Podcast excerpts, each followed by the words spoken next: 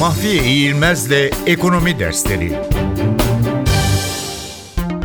Maliyet çelişkisi nedir?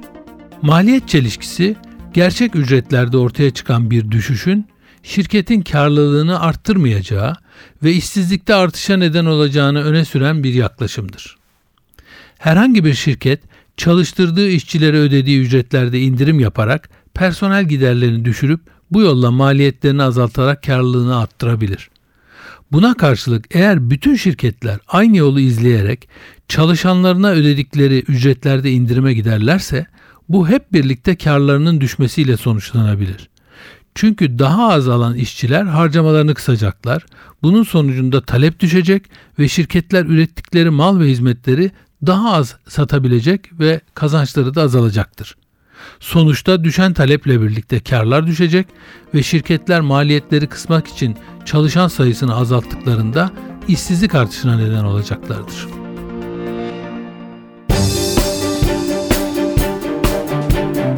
Mahfiye İğilmez'le Ekonomi Dersleri